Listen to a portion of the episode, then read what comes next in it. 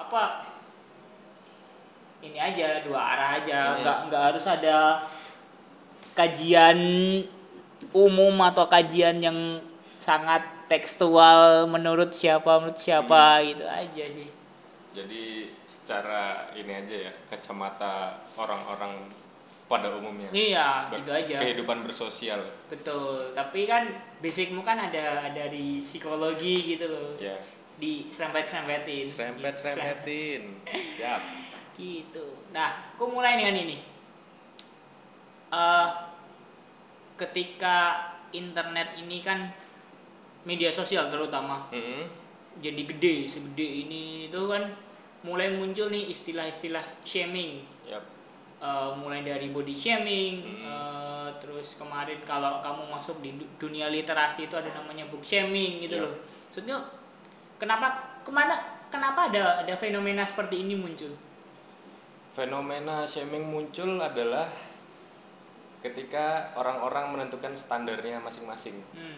jadi ya katakanlah Instagram sebagai wadah untuk pamer gitu Hmm. ya kita tahu di explore sekarang banyak cewek-cewek yang dandanannya luar biasa kan Luar biasa ini luar dalam artian biasa apa nih? dalam artian make upnya Oh. atau pakaiannya atau hartanya juga jadi ya kelihatan ya Pak, hartanya kelihatan kelihatan dari kelihatan dari baik dari baik Instagram. ma- materi maupun non materi seperti itu itu hartanya Hmm. kelihatan nah, jadi untuk orang-orang yang memang katakanlah menstandarisasi ini Mm-mm. dia merujuk ke orang yang diidolakannya bisa jadi oh jadi Hmm. kayak punya apa ya punya idol bisa jadi idolanya itu mungkin orang yang lebih startanya lebih tinggi dari Bisa, dia gitu ya bisa. Nah, jadi ketika ada standarisasi subjektif tersendiri Mm-mm. bakal ada komparasi selanjutnya Mm-mm. begitu dari komparasi ini terbentuklah shaming tapi apakah terus kemudian semua hal itu bisa jadi shaming gitu semua hal tergantung menyikapinya sih Hmm. Mas soalnya kan ya namanya kita bersosial media Iya. harus siap dengan segala risikonya kan. Iya kalau kalau iya sih betul. iya kan? E, mau introvert maupun ekstrovert namanya udah sosial media kan kita membuka diri kita ke betul. dunia gitu betul. kan. Jadi introvert ekstrovert ah ngaku introvert tapi main media sosialnya Nah, kencang itu ya bullshit juga bullshit, ya bullshit juga gitu gue juga heran sama fitur gembok Instagram itu sih Hmm, sebenarnya. nah itu juga maksudnya untuk apa untuk apa kamu bermedia sosial ketika apa ya terus digembok terus itu itu makanya ya. Aneh aneh aja sih. Mungkin karena regulasi Instagram yang ingin melindungi pengguna-penggunanya kan dengan alasan privasi. apa namanya privasi. Eh tapi zaman sekarang privasi itu apa pak? Itu dia makanya. Ya maksudnya ya tadi kembali ke shaming tadi kan Mm-mm. eh, terakhir soal shaming yang tak tak baca itu soal mom shaming mom Mhm. shaming jadi kayak misalnya kok ih kok ibu ini kok lahirannya sisal sih Mhm. kok gak pakai asi eksklusif sih Oh, itu iya. itu juga terbentuk dari dari standarisasi personal Yap, seperti itu yap. Eh, nah, tapi kalau dari standarisasi personal kan dia tidak mungkin punya punya kemampuan untuk mempengaruhi banyak orang dong kalau dia bukan bukan seseorang yang berpengaruh. iya juga sih cuma di zaman sekarang semua orang pengen jadi influencer mas Hmm. Iya. iya kan Hmm. ketika semua pengen jadi influencer siapa yang di influence gitu Agak Cuma agak kencang. Ketika semua orang mau jadi influencer Ah. siapa yang mau di influence gitu. Nah, Hmm. terus orang-orang yang yang punya mungkin punya arahan ideal menurut mereka sendiri mereka pun tidak bisa melakukannya Tapi kemudian eh, iya sih. Ke- dari dari dari kayak gitu dia menemukan ceruknya sendiri ya. Iya, Nemuin. jadi jadi sebenarnya dia mengalami Mm-mm. suatu katakanlah kegagalan kasarnya gitu kan. Mungkin niatnya baik, mau mau bilang orang itu jangan seperti ini karena saya sudah melakukannya di masa lalu. Hmm. Mungkin, tapi nggak nggak dia sampaikan gitu. Jadi kemungkinan dia untuk memberi apa ya istilahnya kayak opini-opini itu ya seperti itu.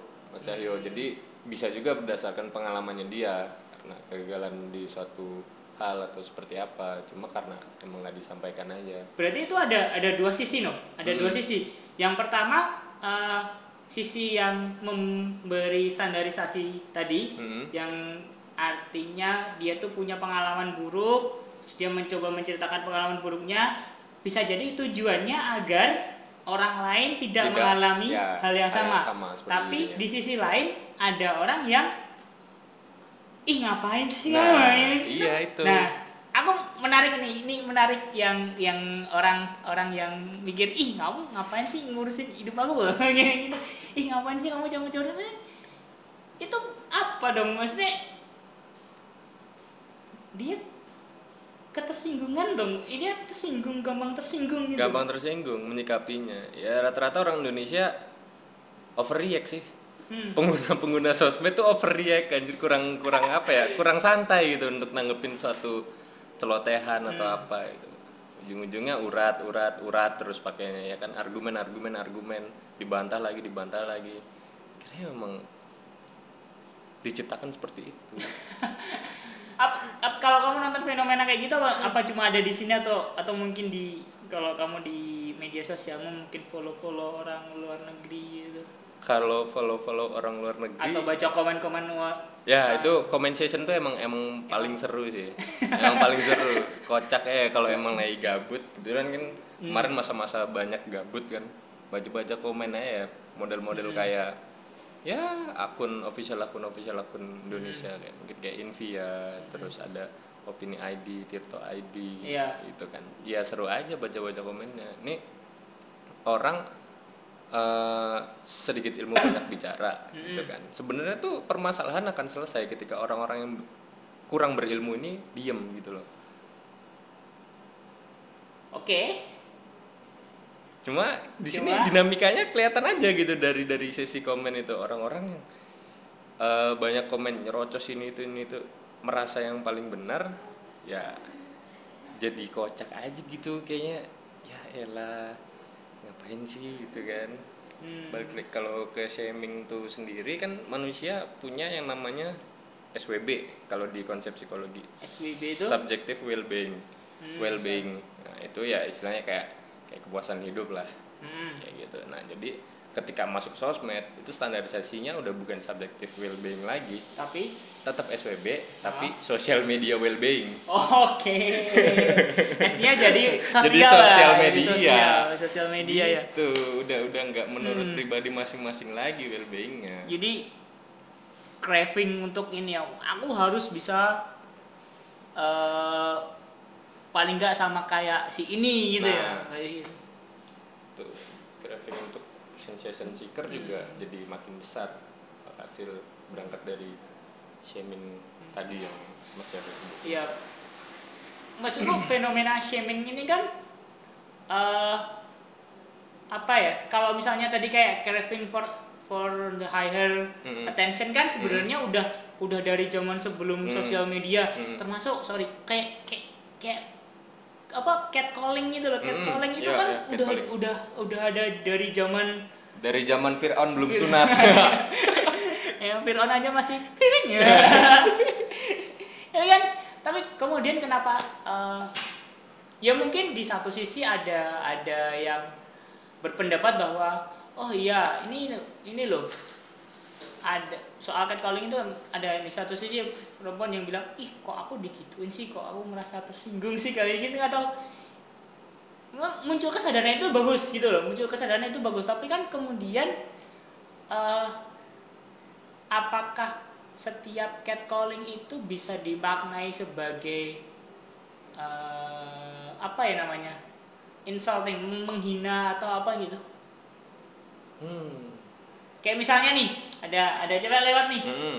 tak aku siulin. Siulin gitu. Terus si, si ceweknya bilang ih ngapain sih?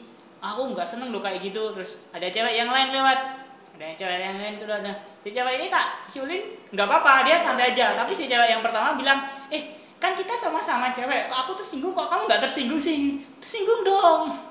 Balik lagi Hmm. dari kedua cewek ini uh, displaynya seperti apa? Hmm, gitu Mas Aryo. Jadi kalau emang yang tersinggung ya mungkin karena faktor dari dianya sendiri displaynya terlalu terbuka kah atau seperti apa? Atau masing-masing dia udah terbiasa di catcalling seperti itu ya gimana ya bingung juga sih kalau misalkan masalah catcalling aduh bentuk Aneh tubuh lah. bentuk tubuh Maksudnya kan- sih Yo kadang yang tidak tampilannya dengan dengan ya sopan pun kadang digituin gitu lah. Maksudnya itu itu bukan bu- menurutku bukan perkara perkara apa yang kamu pakai gitu loh.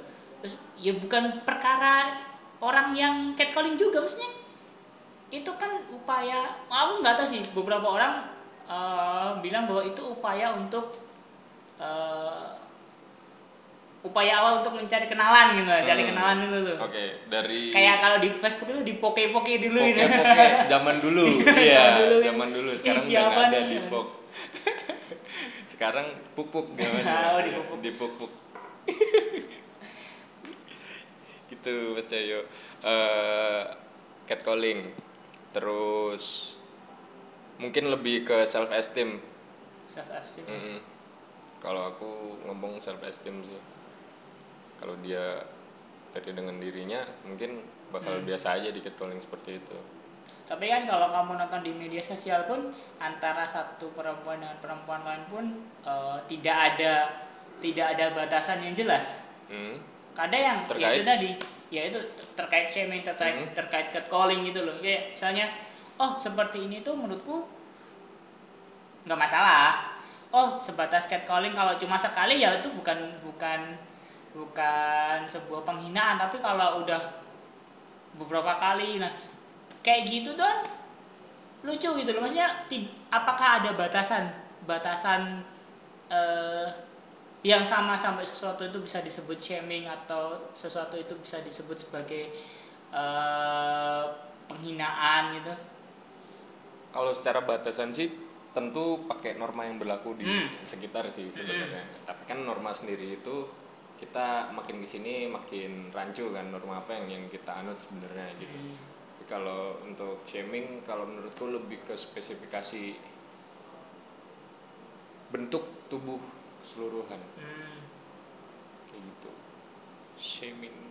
jadi misalnya tubuhnya. kayak kan tapi kan kadang ini loh ada orang yang menurutku yang ya kayak body shaming lah Mm-mm. ada kan eh, jarang sih orang yang kurus gitu ya Mm-mm. misalnya anoreksia Mm-mm. gitu eh, dia mengalami body shaming Mm-mm. nggak tahu sih tapi kan kebanyakan kebanyakan kan orang yang memiliki badan gemuk gitu Mm-mm. loh kayak misalnya terus ada muncul muncul apa ya insecurity gitu kayak ada cewek-cewek yang anjing kok ini orang orang lemu-lemu banget tapi Hmm. kok kamu jadi insecure Hmm. itu pokoknya ketika ketika dia terus bilang ketika ada yang bilang eh kamu kok kurus ih kok ini kok body shaming sih kan Hmm. atau misalnya kita apa ya lama nggak ketemu sama teman terus akhirnya ketemu eh kok kamu kurusan? Eh kok kamu gendutan? Itu kan Nah. itu itu body shaming bukan? Itu sebenarnya termasuk body shaming sih. Hmm. cuma konteksnya uh, mungkin kan dari situ dia bakal bakal berkelanjutan kan. Kayak menanya kamu kenapa kok kurusan? Kayak gitu kan. Se- sebenarnya bentuk Hmm. Iya, perhatian iya. bentuk perhatian. Cuma mungkin caranya yang kurang tepat aku nggak bilang salah cuma caranya Hmm. kurang tepat gitu ya mungkin ya sekarang Mas Cahyo misalkan habis sakit atau Hmm. gimana habis itu perlu berobat kan Hmm. sakit pengeluaran gitu kan Iya. pengeluaran dari segi materi apa segala macam baru sembuh nih main ke teman-teman ke tempat Hmm. teman-teman mas Cahyo kok kurusan kenapa tuh misalnya kayak gitu kondisi Mas Cahyo baru sembuh terus mikirin keadaan keuangan karena habis dipakai kemarin buat nebus obat, Obat, buat pemulihan apa segala macam makanan-makanan orang sakit juga kan biasanya lebih mahal kan daripada Iya, orang sehat betul, gitu kan. Nah kira-kira Mas Cahyo nanggepinnya gimana? Itu kan jadi kayak tergantung suasana lagi kan. Iya. Kalau caranya seperti itu yang aku bilang kurang tepat mungkin Mas Cahyo bakal sedikit naik. Hmm, Mungkin. iya, mungkin. Mungkin. Cuma kalau caranya mungkin menurut Mas Cahyo itu udah tepat ya nggak masalah. Penyikapannya lagi sih balik lagi. Jadi kalau terbilang body shaming atau bukan aku Kayak bisa gitu, katakan sedikit sedikit. iya sedikit iya. Tapi konteksnya lagi kalau Hmm. emang dia berarti sebenarnya tapi kadang gini sih kalau kamu nontonin nontonin eh, komen-komen kayak gitu tadi Hmm. kayak misalnya ada dua orang nih yang lagi terlibat shaming, book shaming atau body shaming itu yang ribut itu malah bukan dua orang itu. Iya. Malah yang lainnya. Iya. Kenapa yang malah tersinggung yang lainnya? Yang tersinggung yang lainnya karena mungkin kepentingan mereka ikut terbawa di situ. Oh jadi mereka punya ibaratkan kayak merefleksi diri. Mm-mm. Nah, dia punya punya pandangan tersendiri, dia punya bentuk bentuk seperti apa tuh masing-masing pada pada beda-beda kan itu. Jadi mereka membela kepentingannya sendiri-sendiri di situ. Jadi berarti eh, ketika hal yang menyinggung mereka itu, ketika hal yang menyinggung mereka yang merefleksikan eh, diri mereka itu dilakukan oleh orang lain yang bukan di tab komen itu, kemungkinan mereka juga akan bisa tersinggung lagi dong. Bisa. Bisa menular. Berarti ketersinggungan itu apa? Ketersinggungan itu di di di diberi atau diambil? Eh bisa dua-duanya. Maksudnya? Misalnya, misalnya. Eh, dikatakan Hmm, diambil hmm, ketika ada part-part tertentu yang tersenggol dari value orang itu Hmm. misalkan uh, Mas Cahyo punya punya idealis seperti apa Hmm. kesenggol gitu kan value-nya Mas Cahyo berarti tersinggung. tersinggung Hmm, diambil kan Iya. Take it seriously gitu kan tapi kalau diberi ya orang yang entah memancing atau memberi komentar tertentu itu emang sudah melebihi batas Hmm, jadi bisa. Jadi, nah kadang kadang kan yang rancunya kan soal batas itu tadi ya. Hmm. Batas itu kalian setiap orang juga beda-beda. Nah, Ya. kalau kita hidup sebagai seorang ne- bukan seorang, kita udah jadi satu warga negara namanya netizen. Nah, netizen, netizen ini populasi kan wah, udah populasi dan batasannya kan apa dong? Lancu, bener bener sendiri aja lancu Nah, lancu bener ya sendiri aja kadang di masih di Iya, amandemen ya. bener amandemen yang penting banyak bener Iya. berarti yang penting mayoritas bener banyak Ya, kan tapi yang gitu mayoritas ya. bener susah juga. susah juga emang ya gimana ya? Maksudnya kan mungkin eh, gini Mas Ayo pernah nggak sih kayak kayak misalkan lagi emosi parah gitu kan? Lagi chatan sama orang. Terus Mas Ayo tahu batasnya Mas Ayo seperti apa? Batas untuk keterlaluan itu seperti apa? Tapi Mas Iya. Ayo sengaja melampauinya itu. Iya. pernah nggak? Pernah, pernah, tentu pernah. dari value-value itu Mm-mm. eh, batas yang si yang ngomen ini berikan dia misalkan udah tahu nih ah, ini emang udah lewat batas nih nggak apa-apa lah sengaja aja emang dia suka suka tubir aja gitu Oh. emang orangnya ya mumpung di internet gitu Dia kan dapat didatengin ini ya, dia, juga dia, dia dikasih panggung nah untuk show off benar gitu ya. benar nggak sedikit juga loh mas Ayu orang-orang kayak gitu Ya, betul, nggak sedikit. Dan ya mungkin circle kita di sekitar kita gitu kan ya. Ada kalau nontonin kayak gitu, ah, kenapa harus berbagi oksigen sama dia sih? oksigen gratis ya pelit gitu tapi nggak nggak rela aja pak maksudnya ketika ketika mungkin dia ngomong di depan kita langsung gitu kayak wah kayaknya asik nih orang Mm-mm. tapi ternyata komennya di mana anjing ini orang iya pernah pernah kan ada toh iya ada gue ada. nemuin nemuin Hmm. kayak gitu Ya, kadang ada juga yang emang budgetnya di real life emang mantap Hmm. tapi pas komen-komen itu ya emang normal-normal aja dia gitu. Jadi emang ya tapi mungkin menurutmu ketersinggungan itu eh, kayak tadi misalnya yang kasus catcalling eh aku tersinggung kok kamu nggak tersinggung kamu tersinggung dong. Itu kayak misalnya ada ada sesuatu di balik itu ya di balik itu mungkin ada ada ada sesuatu yang yang apa ya yang mau diperjuangkan nggak sih dari, dari sisi mana? ketersinggungan ya dari sisi yang tersinggung. Tersinggung. yang ada maupun yang uh, adakah adakah kemungkinan ada diskursusnya gitu loh? Usia ini agak intelek kok. Intelek ya Kayaknya kadang lo jangan makan telur. Oh jangan ya jangan. Telur Mentah telur. mentah bener. Saya goreng dulu nanti. Gimana ya mas Ahyo apa tadi yang butuh dibela Iya, apakah apakah ada sesuatu yang harus dibela? Maksudnya kan kayak kayak munculnya gerakan-gerakan feminis gitu kan memang ada sesuatu yang ingin dibela toh Mm-mm. bahwa eh, laki sama perempuan harus punya eh, equality right gitu loh Mm. bukan bukan bukan hanya kesamaan kesamaan hak tapi tapi mungkin kesamaan tanggung jawab juga seperti itu karena kita masih terjebaknya sama eh, haknya aja yang sama. Mm-mm. kayak misalnya eh kok cowok boleh jadi ini cewek nggak boleh gitu loh. Hmm. tapi ketika suruh ngangkat galon ih kan aku cewek. Yang dibela. Dibela tuh diri sendirinya. Iya. Kan kadang itu kan juga Iya, rancu gitu loh. Maksudnya bener. harus harus menurutku harus harus ada harus ada. Kalau itu kan memang e, mengarahnya sekarang kan ada diskursus khusus untuk ini loh fem- gerakan feminis ini yang dibela itu bukan kesamaan hak tapi Mm. kesamaan tanggung jawabnya ya. Iya. maka seperti itu. Kemudian muncul antitesisnya Indonesia tanpa feminis. Nah kalau shaming menurutmu kayak gitu nggak?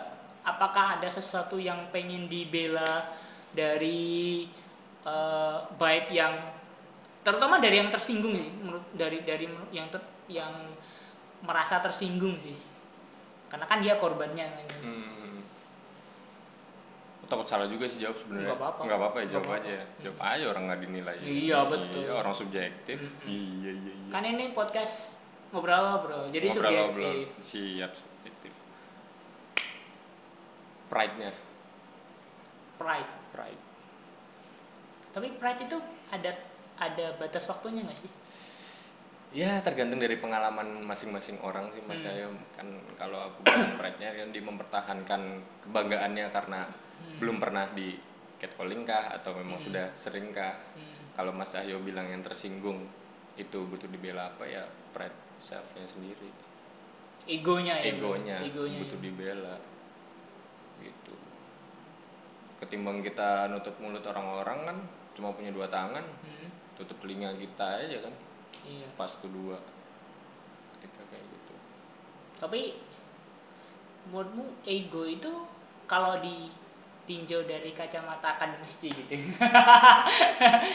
Ki, maksudnya semua orang kan punya ego gitu loh. Ap- apa, apa aku penasaran sih aku apakah ego itu benar-benar harus harus di diapain? Ditekan? Dibela Di- atau dibela. ditekan gitu. kalau enggak maksudnya kan ada ada kajian-kajian khusus ada teori-teori yang membahas Hmm. soal ego itu loh Mm-mm. ya saya bahas Freud lagi jadinya jadinya Freud lagi yang Freud Freud. lagi bosen saya bahas-bahas Freud iya it ego super ego Hmm. it itu dorongan dasar insting ego pelaksanaannya super ego adalah norma egonya sebenarnya nggak masalah nggak diturutin Hmm. Cuma kalau dari Freud sendiri itu imbalance. Jatuhnya orang jadi kayak berpenyakit. Kalau ego ah, kalau egonya nggak dibela. Hmm, jadi merasa ada jadi semuanya harus harus harus balance. Berarti sebenarnya memperjuangkan ego pun juga nggak apa-apa gitu nggak ya? apa-apa. Nggak apa-apa. Nggak apa-apa. Asal takarannya seimbang sesuai lah porsi. Sesuai porsi gitu. iya. Hmm. gitu. Ini kan takaran egonya Freud sendiri juga kan rancu juga balik lagi kan. Iya. Tergantung ya Freud mereka dia pakai budayanya budaya Barat. Iya. Iya kan? dan tidak bisa diaplikasikan serta merta Nah, di sini gitu. iya. Saya mazhabnya nggak nggak pakai Freud. Mazhab. iya mazhab psikologinya nggak nggak pakai Freud. Aduh. tapi apakah kemudian satu mazhab ke mazhab lain kayak gitu tuh? Tuh kan jadi ikutan mazhab. Apakah kemudian saling bertentangan rata-rata muncul tokoh baru Hmm. pasti menentang pasti menentang pasti menentang karena memunculkan teori baru adalah mengkoreksi kekurangan teori lama Eh, Hmm. Tidak ada nggak- yang nggak- nggak cuma meng- mengkoreksi Hmm. nggak cuma Mengganti mengkoreksi, ya, berusaha- mengganti berusaha berusaha mengganti. berusaha apa ya menampilkan kalau teori gue nih yang paling terbaik lah istilahnya gitu masing-masing tokoh muncul pasti kayak Pasti gitu kayak gitu. iya Berarti jadi ya punya sebenarnya punya kekurangan punya kelebihan sih masing-masing teori jadi ya keuntungannya kita sebagai orang-orang akademisi psikologi ya tinggal milih yang mana milih iya yang tepat pada satu kasus aja kayak gitu. Jadi mungkin karena aku mikirnya tokoh-tokoh itu juga tidak bisa menekan egonya sendiri-sendiri ya hmm. ya. Sekarang Freud dia populer sama psikoanalisisnya Hmm. ya kan? Psikoanalisis. Dia memandang manusia dari lahir pun udah salah gitu loh mas Yahya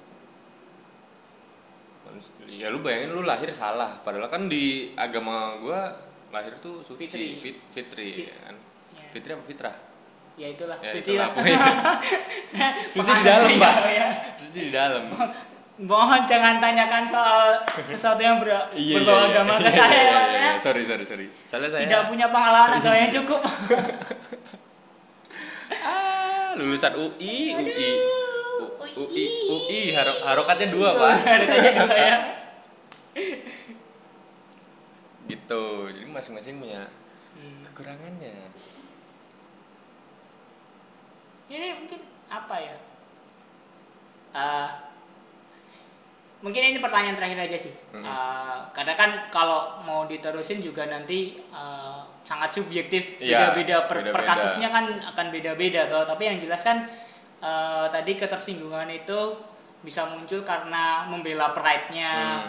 eh, bisa karena diberi orang apa eh, orang itu juga udah melampaui batas ada yang aku juga wah ego gue kok diajar habis-habisan sebagainya Hmm. bos stand up for this gitu.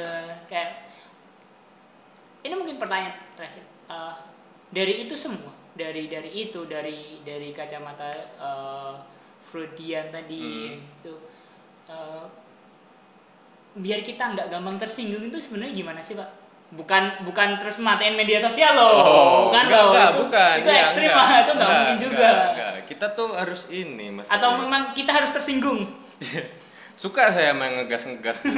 apa itu damai ya? apa itu bisa Ya, apa pis-pis kencing? Belajar rileks mendalam sih. Hmm. nyikapin celotehan-celotehan dengan santai gitu kan. Dan tentunya kita harus belajar ngegas. Ngegas Iya, dalam artian ngegas apa dalam nih? di real life. Jadi kalau emang kita tersinggung atau apa kita gasin dulu aja reaksi orang yang digas tuh seperti apa gitu. Kalau emang nggak bisa ya ya sudah. Kita yang ngalah rileks mendalam. Tahu ujung-ujungnya? Prinsipnya kayak ini ya. Prinsipnya- kayak Iya. orang naik mobil nabrak Hmm, gitu ya. Nabrak. bodo amat Bodo penting amat, keluar. Tabrakin dulu. Misu-misu dulu ya. misu-misu dulu. Pokoknya sebagian orang misu itu plong gitu kan. Iya. buat coping stress juga Coping gitu. stress. coping stress misu. Mau kayak apa? Misu dulu. Misu dulu pokoknya. Apa pun misu number one pokoknya tapi emang sih kadang ya gitu. Seru sih. Berarti hidup misu ya? Hidup misu sama relax mendalam. Relax jangan mendalam. lupa. Ya udah eh, paling gitu aja sih. Udah udah hampir 30 menit 28 Hmm. menit cukup lah. Oke. Eh, gitu. Terima kasih banyak ya. Sama-sama